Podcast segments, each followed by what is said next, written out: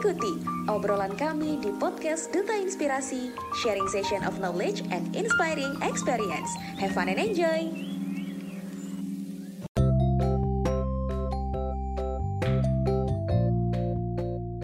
Baik, sebelumnya Assalamualaikum warahmatullahi wabarakatuh. Teman-teman semuanya, teman-teman sobat podcast dari Duta Inspirasi Indonesia. Nah, teman-teman, kembali lagi nih bersama saya di sini Sigit Bayu Cahyanto selaku podcaster di Duta Inspirasi Podcast. Nah, senang banget nih tentunya bisa ketemu sama teman-teman semuanya lagi di sore hari ini. Oke, teman-teman semuanya, di kesempatan kali ini kita akan belajar bersama nih dan kita akan mengulik terkait dengan keunikan yang ada pada topik kita pada sore hari ini. Nah, topik kita pada sore hari ini adalah baca ataupun berbagi cerita Nah, tentu saja sesuai dengan topiknya, kita akan berbagi cerita mengenai keunikan Pulau Kalimantan. Nah, siapa sih yang nggak kenal dengan Pulau Kalimantan? Benar banget teman-teman, Pulau Kalimantan merupakan pulau terluas di Indonesia. Dan pulau ini dulunya disebuti dengan julukan Borneo, teman-teman. Nah, baik. Nah, tentu saja di sore hari ini kita akan kedatangan tamu dan narasumber yang luar biasa nih teman-teman. Jadi nanti sebelum saya mengenalkan narasumber, maka tak kenal maka tak sayang, maka perkenalkanlah saya adalah Sigit Bio Cahyanto selaku Duta Inspirasi Batch 2 dari Provinsi Daerah Istimewa Yogyakarta. Di sini nanti saya akan memandu jalannya acara ini sehingga nantinya kita bisa berbincang santai nih sama narasumber kita yang luar biasa Yahui Yahui dan Mantuy. Oke. Nah, perlu kita ketahui bahwasanya sore hari ini kita kedatangan narasumber yang sangat-sangat luar biasa dan sangat cantik tentunya teman-teman. Nah, namanya adalah Kak Seila Irfania. Kak Seila Irfania itu merupakan Putri Kebudayaan Kalimantan Tengah pada tahun 2020 dan beliau juga pernah nih menjadi duta sekolah dari SMA Global Islamic Boarding School di tahun 2017 dan juga pernah menjadi putri muslimah di ajang Entrepreneur Epidemi menjadi runner up yang ketiga teman-teman.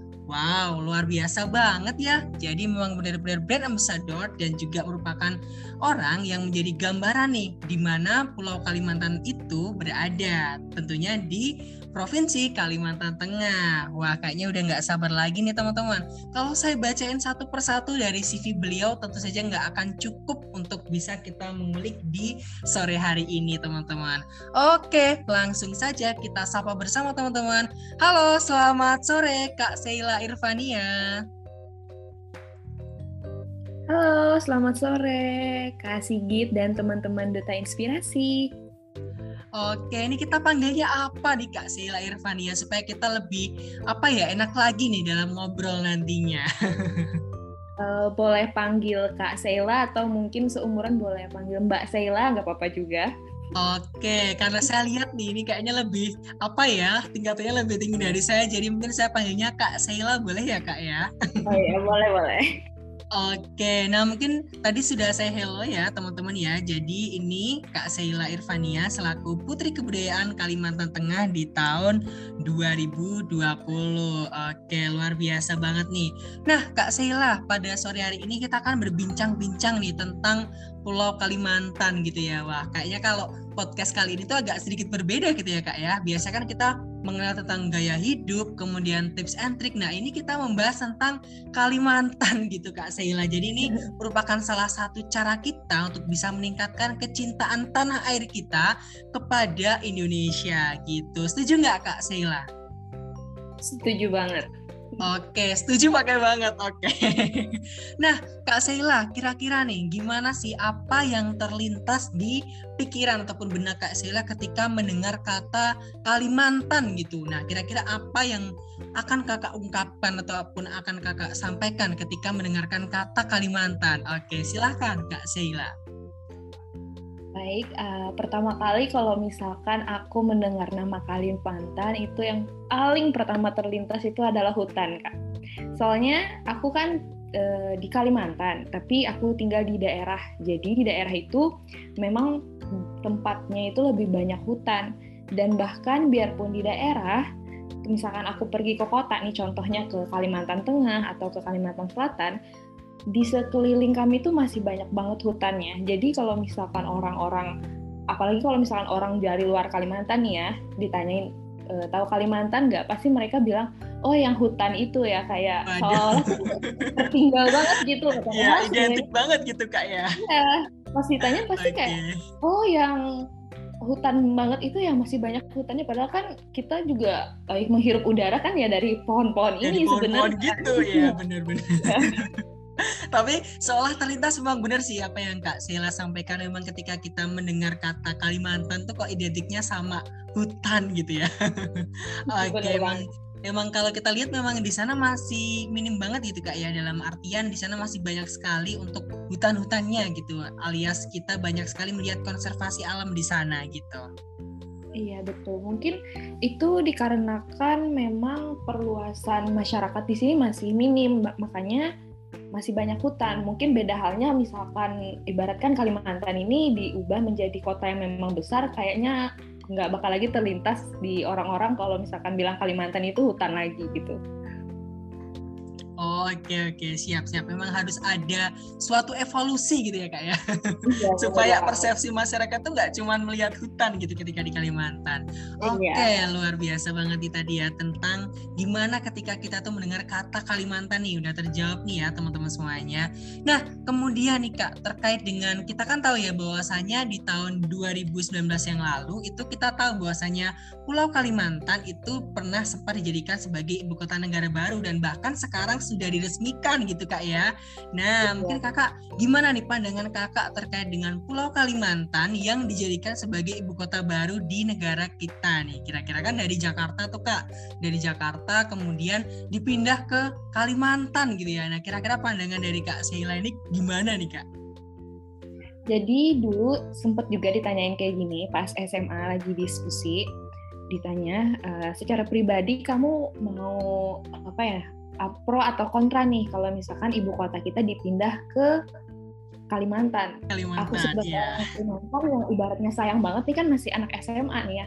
Loh kok dipindah sih? Aku sayang hutan-hutanku kan ibaratnya Pulau Kalimantan ini salah satu pemasok itu ya.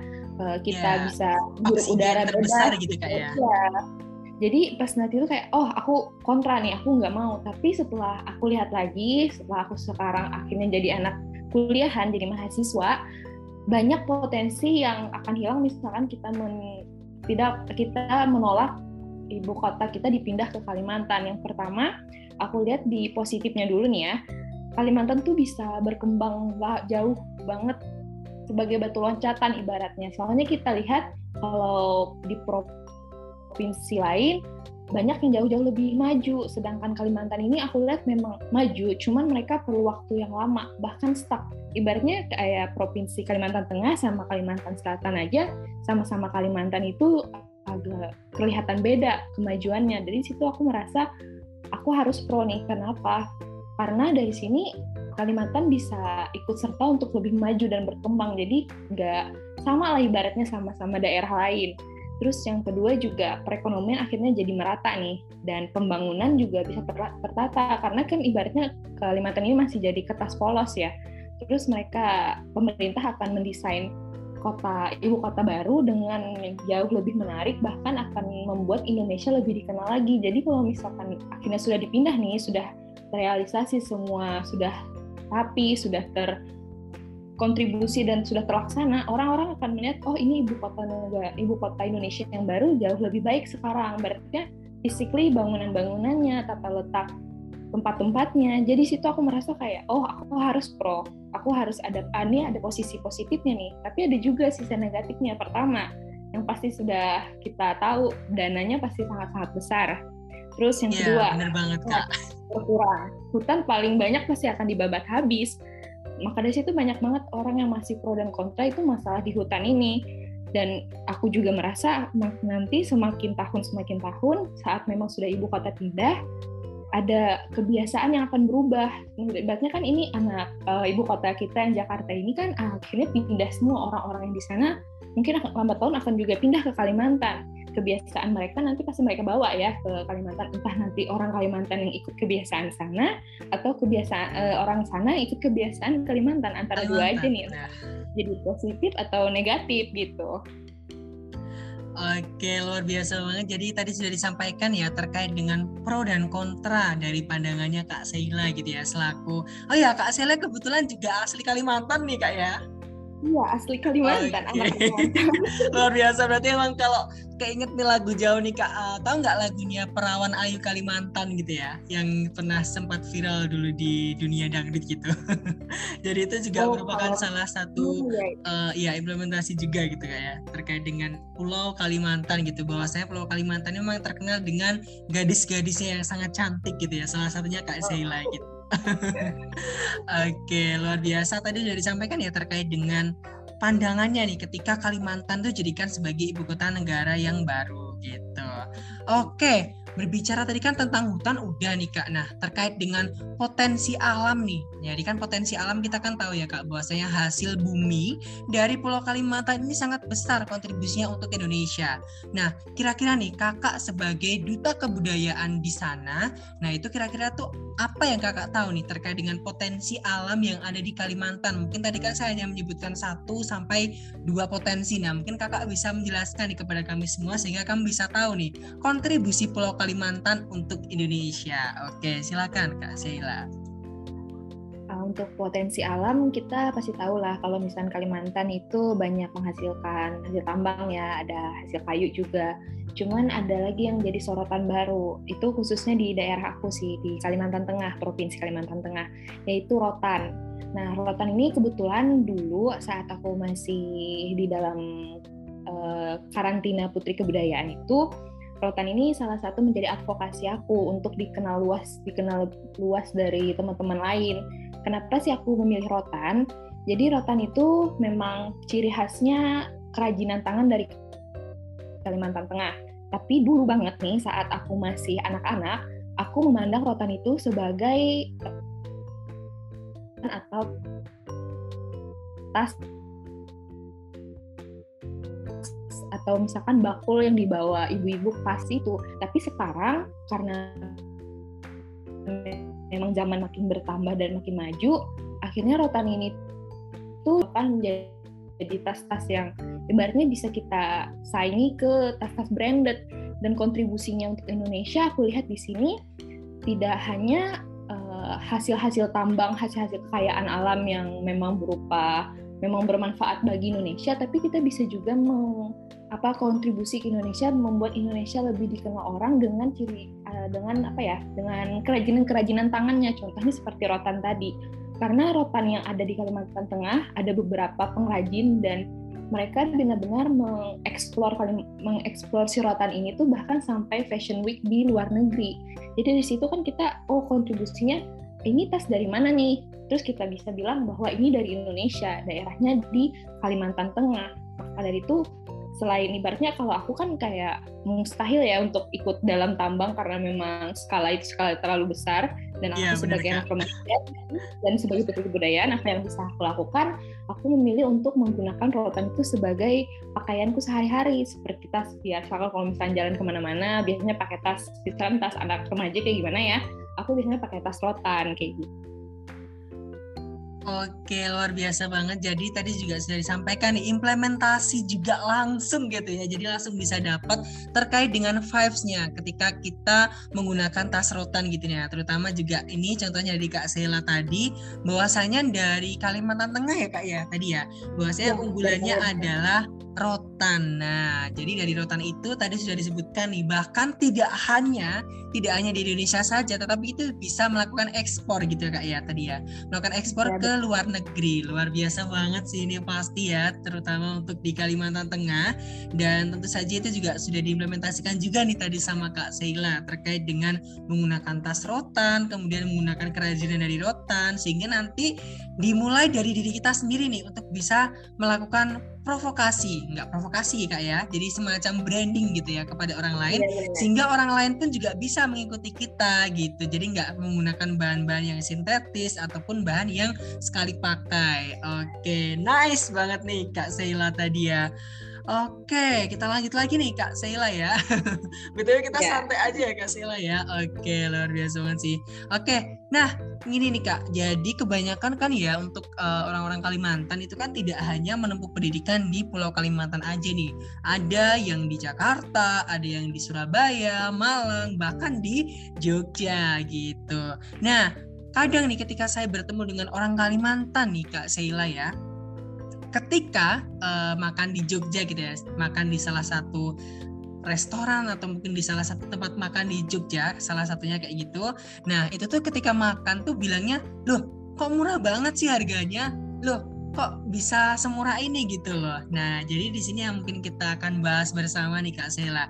Kira-kira nih terkait dengan kondisi ekonomi di Pulau Kalimantan tuh gimana nih ketika apa ya bepergian di tempat lain tuh kok bilang itu tuh murah gitu itu tuh hal yang sangat tidak wajar gitu dalam hal harga ataupun range yang ditawarkan gitu. Nah kira-kira kalau perbandingannya sendiri tuh gimana nih Kak Sela kalau dari pandangan kakak ketika orang Kalimantan itu tuh pergi ke satu tempat di luar Pulau Kalimantan tuh misal nih di Jawa ataupun di bagian Sumatera gitu ya itu tuh bilang murah gitu. Nah itu kira-kira gimana Kak tanggapannya? Menarik banget ini Kak.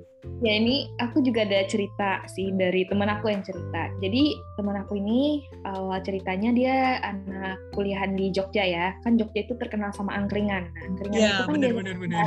500 merek gitu segala macem kan. Datanglah ke tempatku di Kalimantan Tengah di daerah namanya Puruk Caho.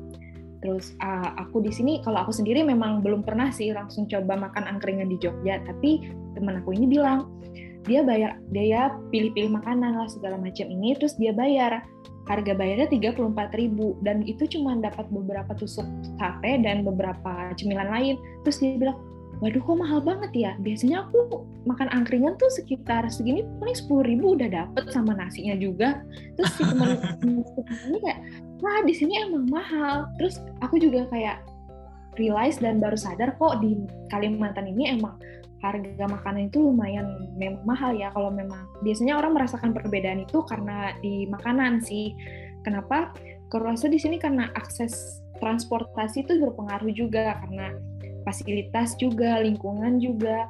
Mungkin karena hasil tambang juga berpengaruh kan kayak ibaratnya hasil tambang itu lumayan meningkatkan pendapatan daerah ya. Di situ akhirnya kebiasaan lingkungan dengan uang kayak oh 50.000 ribu kalau misalkan di sini setengah hari pun nggak sampai. Udah habis duluan. Sedangkan di Jogja 50 hari mungkin eh 50 ribu mungkin bisa sampai dua hari. Dan di situ kayak oh kayaknya memang orang Kalimantan ini aku rasa mungkin mereka kayak gampang cari uang ya kak ya. Jadi kan ada juga nih beberapa di daerahku orang yang asli Jawa merantau ke sini dia kaget. Kayak oh di sini gampang cari pekerjaan cuman untuk mendapatkan uang tadi itu memang relatif berbeda harga nilainya. Terus akhirnya mereka dapat berusaha di sini, dapat uang yang lumayan banyak, pergilah mereka ke bagian tempat mereka asal di Jawa, tiba-tiba jadi orang yang wah ini orang uh, berada nih karena memang harga nilai uang di sini berbeda sama di Jawa. Dan itu tuh memang kayak kayak mungkin memang kebiasaan per daerah, maka dari itu aku rasa memang karena pengaruh-pengaruh dari tadi itu sih kak kayak pendapatan daerahnya mungkin. Oh iya, benar banget ya. Kalau kita baru sadar nih teman-teman semuanya bahwasanya kalau di Kalimantan itu kan juga identik dengan sebuah tambang gitu ya. Jadi otomatis dari apa namanya hasil dari tambang itu dan juga hasil dari kekayaan alam pun juga bisa nih menjadikan pemasukan di daerah-daerah tersebut gitu. Jadi otomatis dari harganya pun juga berbeda gitu ya. Kalau saya lihat juga UMR-nya juga tinggi banget gitu nggak sih kak jadi di sana? Jadi emang banyak banget untuk incaran orang-orang dari Jawa ke Kalimantan tuh sangat tinggi gitu untuk antusiasme untuk bisa hadir ke Kalimantan gitu sih. Jadi kalau kadang nih bener banget tadi yang kakak bilang ya kalau ada teman gitu dari Kalimantan itu diajak makan di angkringan yang identiknya di Jogja kayak gitu itu memang bener banget ketika udah habis makan loh aku makan banyak tapi kok cuma segini murah banget gitu. Jadi kayak semacam kaget gitu kan Oke, jadi emang luar biasa banget ya. Jadi kalau yang di sana mungkin ya kita harus tahu apa namanya budget gitu kak ya, supaya kita bisa manajemen keuangan dengan baik di sana kayak gitu. Oke, lanjut lagi nih kak Sheila ya. Nah, kalau dilihat dari berdasarkan waktu nih Kak, jadi kan Indonesia itu merdeka sudah 76 tahun gitu ya. Kalau kita tahu Pulau Kalimantan kan sudah berdiri lama nih, bahkan sebelum nama Indonesia ini ada gitu. Dulu kan namanya Borneo gitu Kak ya, kalau di lingkup delapan provinsi sebelum Indonesia terbentuk nih. Nah, kira-kira dari Kak Sela sendiri nih, dari pandangan lima tahun ke depan nih, setelah Kalimantan itu menjadi ibu kota negara dan lima tahun ke depan setelah Kalimantan ini tuh terus diimprove ataupun terus ditingkatkan lagi dari tingkat baik itu teknologi, kemudian sarana prasarana ataupun dari bidang edukasinya sendiri. Nah, kira-kira pandangan Kak Sela tuh Kalimantan lima tahun ke depan tuh akan jadi seperti apa gitu Kak Sela? Mungkin bisa memberikan pendapat ataupun pandangan kepada kita semuanya nih Kak Sela. Uh, aku harap sih ya progres misalkan nanti benar-benar Kalimantan sudah eh ibu kota kita sudah pindah ke Kalimantan, Indonesia itu Kalimantan ini akan ikut berkontribusi untuk Indonesia bahwa Indonesia bukan negara berkembang lagi tapi sudah menjadi negara maju. Ibaratnya kan ini kayak kanvas kosong, kita bisa membuat ulang semuanya, tapi tidak dengan sistem pemerintahan ya, tapi maksudku kayak daerahnya, tempatnya, tata letak, bangunan segala macam. Jadi kalau misalkan orang-orang luar mau ke Indonesia nanti tidak hanya Bali yang dikenal, tapi Kalimantan juga. Kenapa Kalimantan, nggak Jakarta? Karena Kalimantan sekarang sudah jadi ibu kota dan dengan desain yang baru orang-orang luar tuh lebih tertarik. Jadi orang tidak aku tidak pernah aku tidak ingin ke Bali saja. Aku juga ingin ke ibu kotanya Indonesia nih di mana? Aku harapnya sih seperti itu. Dan juga tidak hanya itu aku harap dengan adanya pemindahan ini seluruh daerah yang ada di Indonesia juga ikut berkembang karena memang ya potensi setiap daerah berbeda karena mungkin dipilihnya Kalimantan ini memang potensinya banyak tidak hanya dari hutan, dari hasil tambang, dari hasil segala minyak, kayu-kayu. Nah dari situ aku harap walaupun daerah kita berbeda, ibaratnya berbeda penghasilan, setiap daerah akhirnya akan mencoba untuk terus maju, untuk terus grow up agar sama-sama menjadikan Indonesia itu negara maju, bukan lagi negara berkembang. Seperti itu. Oke, luar biasa banget ini untuk pendapat-pendapatnya sudah mewakili bahkan tidak hanya Kalimantan nih teman-teman yang unik. Jadi seluruh Indonesia itu diharapkan untuk bisa maju gitu ya Kak ya. Oke, luar biasa banget sih. Jadi saya setuju banget sama pendapatnya Kak Sheila kayak gitu. Oke Kak Sheila, tadi kan kita udah berbincang-bincang nih ya terkait dengan uh, apa sih itu Kalimantan, terus kemudian terkait dengan pandangan ketika Kalimantan itu jadi ibu kota baru, kemudian juga terkait tadi ya terkait harga harga yang ekonomis atau tidak gitu, terus kemudian tadi terkait dengan rencana ataupun progres dari Kalimantan lima tahun ke depan itu seperti apa. Nah, jadi nih Kak mungkin sebelum kita mengakhiri sesi pada pertemuan kali ini ya ataupun sesi pada podcast kali ini, maka dari itu kira-kira nih closing statement yang akan kakak sampaikan kepada teman-teman Duta Inspirasi Batch 2 dan juga teman-teman yang mendengarkan podcast ini tuh kira-kira apa kak closing statementnya? Mungkin bisa berupa motivasi ataupun pengharapan ataupun juga ucapan yang lainnya nih yang bisa memberikan semangat dan motivasi untuk kita semuanya sehingga nantinya kita bisa sama-sama berjuang dan berkembang bersama untuk bisa menjadi pribadi yang lebih baik lagi gitu. Gimana nih Kak Sheila? uh, aku lebih kayak kasih kata-kata semangat ya selain untuk teman-teman di luar sana dan juga teman-teman duta inspirasi nih kan namanya duta inspirasi berarti kita menginspirasi dong. Nah, aku harap kan kita tahu nih daerah bakal maju kalau misalkan orang-orang yang di dalamnya ikut maju juga. Aku harap untuk teman-teman semua di daerah mana pun itu, kalian harus bisa untuk ikut andil dalam progres kemajuan daerah kalian, walaupun itu hal kecil, tapi aku harap itu bisa membantu. Walaupun hal kecil itu nanti akan lama-lama menjadi bukit dan akan orang-orang juga melihat akan ikut bersemangat juga nih. Karena kan kita sebagai manusia memang hakikatnya untuk menolong orang lain, menolong negara kita. Dan dengan itu ikutlah apa pun itu di daerah kalian jadilah orang yang menginspirasi sama lain agar nanti saat sudah berkembang kita akan bangga dengan daerah kita dan Indonesia sendiri gitu kak. Oke, setuju banget Kak. Jadi lebih bergerak dari diri kita sendiri, kemudian kita mengangkat sama yang ada di sekitar kita, dan kemudian kita bergerak maju bersama-sama. Oke, setuju banget nih Kak Sheila Irvania. Oke, luar biasa banget. Nah, ngomong-ngomong nih tadi berkaitan dengan inspirasi Kak. Nah, kebetulan di Duta Inspirasi itu ada yang namanya jargon ataupun tagline gitu ya Kak ya. Nah, jadi mungkin nanti kita bisa tagline bareng kali Kak ya sebagai kenang-kenangan kita kayak gitu supaya teman-teman juga bisa tahu nih dari Kak Sheila Irvania selaku Putri Kebudayaan dari Kalimantan Tengah tahun 2020 gitu. Boleh kan ya Kak ya? Boleh. Oke, nah jadi gini kak, ketika nanti kita bilang duta inspirasi Indonesian Event, nah nanti teman-teman atau nanti kakak bilang gini, tiga bulan mengabdi selamanya menginspirasi gitu. Jadi ini adanya seperti itu kak ya, sudah paham? Uh, tiga bulan mengabdi selamanya menginspirasi. Oh, selamanya menginspirasi. Oke, oke. Ya, betul. Oke. Oke, nggak apa-apa, Kak. Oke. Kita mulai ya. Oke, Duta Inspirasi Indonesian Event tiga bulan mengabdi selamanya menginspirasi. Yeay. Oke. Nah, jadi seneng banget nih bisa uh, ketemu dan juga bisa berbincang dengan Kak Sheila Irvania pada hari ini. Jadi luar biasa banget gitu ya walaupun di tengah kesibukan Kak Sheila bisa menyempatkan itu bisa sharing dan berbagi cerita untuk kita semuanya teman-teman. Dan tentu saja kami dari keluarga besar Duta Inspirasi Podcast mengucapkan terima kasih juga kepada Kak Sheila dan juga teman-teman semuanya pendengar podcast tersetia dari Duta Inspirasi Podcast yang sudah mendengarkan dari awal sampai akhir gitu. Nah, mungkin itu saja yang bisa kami sampaikan ya teman-teman ya dan jangan lupa stay tune pada konsep ataupun dari audio podcast yang selanjutnya. Dan apabila kami ada kesalahan kata, ucapan ataupun perbuatan, kami mohon maaf karena apa? Karena manusia tidak luput dari kesalahan dan dosa. Oke.